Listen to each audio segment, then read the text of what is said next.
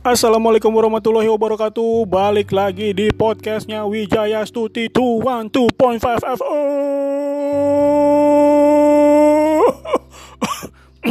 With me Alessandro Wijaya dan Tuti ale-ale Ini efek belum makan Maaf ya. Begini deh Kalau efek kelaparan tuh emang Sulit untuk dicegah. Jadi guys Ini adalah Season 5 Part 5 Dari movie The Hundred. Ini udah terakhir nih Jadi uh, Apa namanya Seneng banget gue bisa ngisi podcast ini konsisten. Gak ada jeda beda-beda di tengah-tengahnya Karena dari season 1 sampai season 5 berurutan. Biasanya soalnya gue gak konsisten, udah ikut yang ini nanti tutup kepikiran apa lagi gitu. Nah, jadi sekarang mau coba mulai konsisten dan dipikirin dulu kira-kira mau apa ya untuk ngepodcastnya kayak gitu. Dan juga gue nggak menutup kemungkinan untuk kolaps dengan beberapa orang setelah podcast season 5 part 5 ini guys. Oke, okay. Hmm, ini terakhiran cerita dari The Hundred. Jadi inti yang bisa gue dapet dari cerita ini adalah gue kasih tahu dulu nih di depan bahwa endingnya semua manusia itu tuh emang punya ambisi untuk menguasai suatu lahan. Jadi untuk uh, terhindar dari sebuah perperangan itu ya nggak akan semudah membalikan telapak tangan, pasti bakalan ada peperangan. Setiap manusia masih hidup, pasti akan ada peperangan, pasti akan ada menguasai suatu negara. Jadi inget gue sampai sekarang kisah tentang Israel dan Palestina. Jadi mereka berebutan daerah kekuasaan sih intinya. Itu pun yang terjadi di film The Hundred ini. Jadi kemarin di part 4 season 4 ini dan gue sempat cerita tuh kalau udah mulai ada hujan asam lagi uh, apa namanya bumi tuh mulai kena radiasi lagi dan semua orang yang kena cairan air hujannya aja tuh bisa langsung bopeng-bopeng rusak mukanya. Nah, semua orang itu berhasil akan berebutan bunker kan. Akhirnya berhasil dia masuk ke bunker sementara yang lainnya ya udah berarti mat yang gak kebagian berarti meninggal di di luar bunker karena kena air hujan asam ini. Nah, jadinya uh, jadi kemudian yang pemain utamanya tuh kayak Bellamy, terus Jasper, uh, sorry Jasper nggak ikutan, Monty Harper yang Clark satu geng bareng sama Bellamy itu pergi ke luar angkasa sama Raven.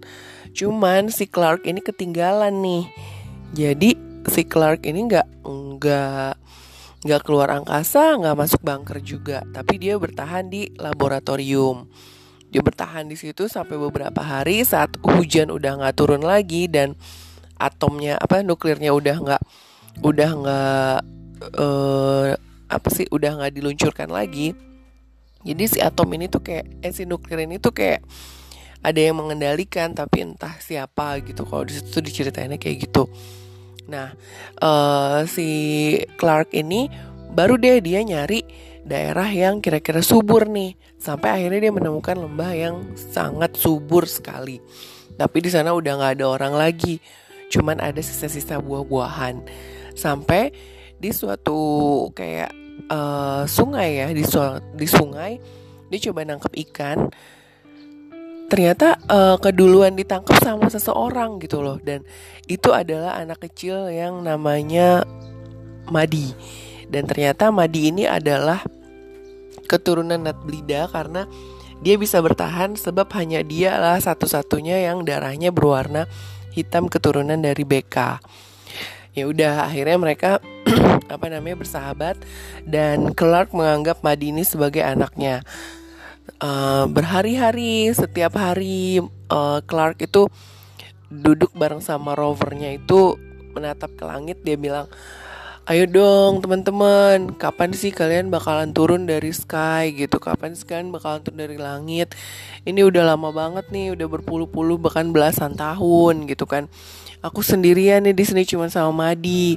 Aku nggak bisa buka bunkernya. Jadi bunkernya itu kan di bawah kayak uh, bangunan apartemen yang tinggi banget. Runtuh dong pas lagi kejadian uh, hujan hujan asam itu.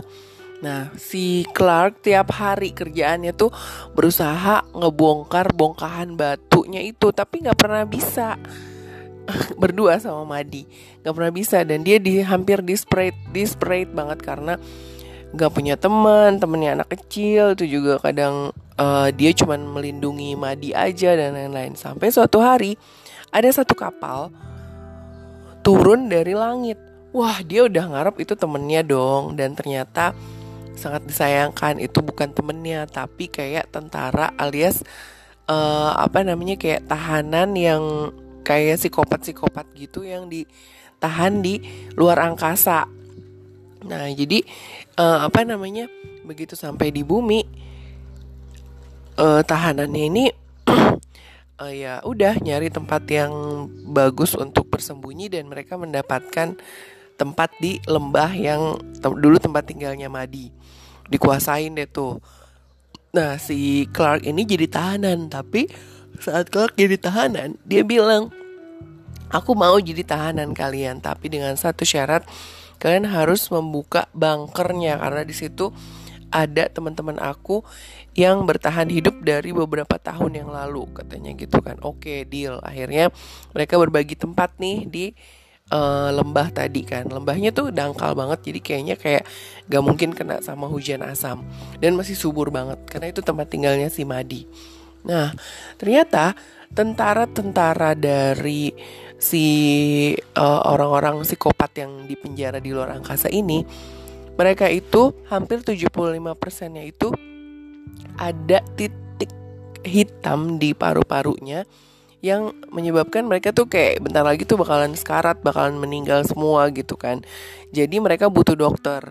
Akhirnya Clark bilang, "My mom is a doctor gitu. Kalau kalian butuh dokter, di di dalam bunker itu ada nyokap gue yang dokter gitu loh. Kalau bisa di mm, diselamatin gitu kan." Oke, akhirnya deal diselamatin bunkernya, semuanya bisa keluar dan si dokternya ini aja yang diambil dokternya diambil minta dikasih obat ternyata lagi nih guys karena di dalam bunker ini yang dipimpin oleh Octavia itu semuanya serba nggak nggak apa ya nggak jelas karena nggak bisa keluar otomatis harus ada orang yang meninggal untuk mengurangi pasokan oksigen yang kekurangan pasokan oksigen sehingga kalau ada yang mati kan berarti apa namanya bisa dibuang terus udah gitu oksigennya jadi nggak berkurang buat orang yang meninggal.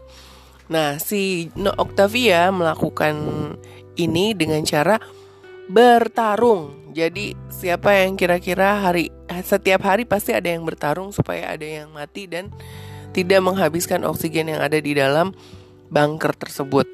Saking stresnya si dokter ibu ibunya Clark ini menjadi pecandu obat-obatan. Nah, eh, apa namanya? Pada saat dia ditangkap oleh Dioza, Dioza tahu nih kalau dia pecandu, makanya dikasih iming-imingin obat supaya dia mau nolongin tentaranya eh, apa namanya? Tentaranya Dioza. Aduh, nenek batuk dulu. Ya, terus udah gitu uh, udah nih ceritanya kan uh, apa namanya nggak terima nih penduduk apa namanya penduduk yang di bunker pengen juga tinggal di uh, lembah tadi tapi kan itu nggak mungkin karena lembah tadi tuh cuman bisa di di apa ditempati oleh setengah dari orang-orang yang tinggal di bunker tadi akhirnya karena kebiasaan mereka kebiasaan orang-orang Wong Kru adalah bertarung mereka ingin menguasai satu lembah itu dengan cara pertarungan. Hmm. Sementara di sana Dioza sendiri sama tentaranya itu nggak akur. Ada salah satu pembelot yang emang uh, ternyata dia adalah orang yang menghamili si Dioza dan Dioza ini kaptennya itu lagi hamil. Iya Dioza itu perempuan. Uh, terus pokoknya si siapa namanya si dokter ini berusaha menyembuhkan penyakit-penyakitnya. Terus di situ ada Ken Presdir juga yang berusaha bekerja sama dengan Bellamy dan Clark untuk tidak menyerang lembah. Dan akhirnya teman-temannya yang tadinya ada di luar angkasa bisa turun ke bumi. Karena mereka udah bosan makan alga dan berpikir oh kayaknya saatnya kita untuk turun dan melihat apa yang terjadi di bunker.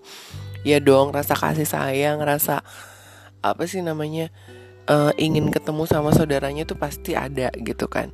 Nah udah udah kayak gitu keadaan semakin pelik si Madi ini diumpetin sama sama Clark buat jangan dikasih tahu kalau dia itu adalah Nat Blida terakhir nah tapi tetap aja ketahuan akhirnya dia jadi uh, jadi komandan lagi terus terjadi pertempuran tapi tidak sengit karena dari grupnya Dioza sendiri tuh udah saling bunuh satu sama lain. Nah, dari semua cerita ini endingnya adalah ini yang uh, bisa jadi pelajaran adalah pertengkaran di peperangan di dunia ini pasti tetap ada apalagi karena manusia itu punya ambisi untuk menguasai suatu tempat satu itu. Kedua kita nggak bisa menentang alam. Mau kayak gimana kita berusaha ya kalau alam udah bilang enggak ya nggak bisa gitu kan. Karena di ending cerita ini adalah beberapa orang yang diselamatkan dari uh, dari bunker. Terus juga beberapa orang yang diselamatkan dari lembah yang grupnya uh, apa Kapten Dioza ini akhirnya pun kembali ke luar angkasa. Karena hujan asamnya ternyata masih tetap ada dan mereka semua kembali lagi keluar angkasa masuk ke dalam peti kayak peti tidur gitu yang uh, apa disetting untuk membekukan orang yang tidur di situ. Jadi nanti pas dibangunin dia bisa bangun lagi dalam keadaan usia saat dia tidur. Kebayang nggak? Jadi misalnya dia pas ditaruh di peti itu usianya 20 tahun. Nah dibangunin 100 tahun lagi. Saat dibangunin umurnya masih 20 tahun. Itu yang terjadi. Jadi Clark Bellamy dan beberapa orang yang bisa diselamatkan akhirnya keluar angkasa lagi menggunakan kapalnya si Kapten Dioza ini. Nah, di sana di kapal Kapten Dioza ini mereka tertidur selama kurang lebih 20 tahun. Kenapa aku bisa tahu? Ya karena si Harper dan Monty itu nggak tidur, mereka jagain uh, apa namanya? jagain teman-temannya supaya uh, bisa kasih informasi. Jadi mereka bikin video guys dan juga kenapa mereka nggak mau tidur di dalam kotak itu sebab Harper ternyata hamil. Nah, Harper itu hamil dan melahirkan seorang anak laki-laki. Nah, jadi saat terakhir ceritanya ini adalah di film The Hundred, si anak laki-lakinya ini yang kasih tahu ke uh, Clark sama Bellamy. Dia bangunin Clark sama Bellamy terlebih dahulu. Dia kasih tahu, ini loh orang tua. Aku dulu Monty sama Harper. Mereka bikin video uh, untuk kalian katanya jadi dia bilang uh, dia bilang ke Clark dan Harp Clark dan Bellamy kalau dia udah punya anak tolong titip anaknya dan dia sudah meneliti kalau bumi bisa ditempatin sekitar 100 tahun lagi berarti uh, apa namanya uh, masih lama untuk nempatin bumi. Jadi balik lagi ke cerita awal tuh gue rasa. Jadi balik lagi ke cerita di season 1 di mana mereka pindah dari bumi ke luar angkasa untuk bertahan hidup dari radiasi yang ada di bumi. Kayak gitu sih intinya. Ngeri sih ngebayanginnya maksudnya harusnya sih semua orang bersatu uh, karena tahu akan ada radiasi atau uh, apa ya bencana alam di bumi. Tapi ya memang rasa ambisiusnya manusia itu nggak bisa dibendung. Jadi apa namanya tetap aja mereka berusaha menguasai suatu tempat untuk bertahan hidup dan lebih mementingkan sukunya. Kayaknya nggak usah bencana juga sekarang kayak gitu ya beberapa orang di sekitar kita. Oke deh, uh, ini ending dari ceritanya pelajarannya adalah teknologi is a must. Tapi damai itu lebih penting daripada teknologi gitu gak sih? Gitu aja dari aku. See you when I see you and bye.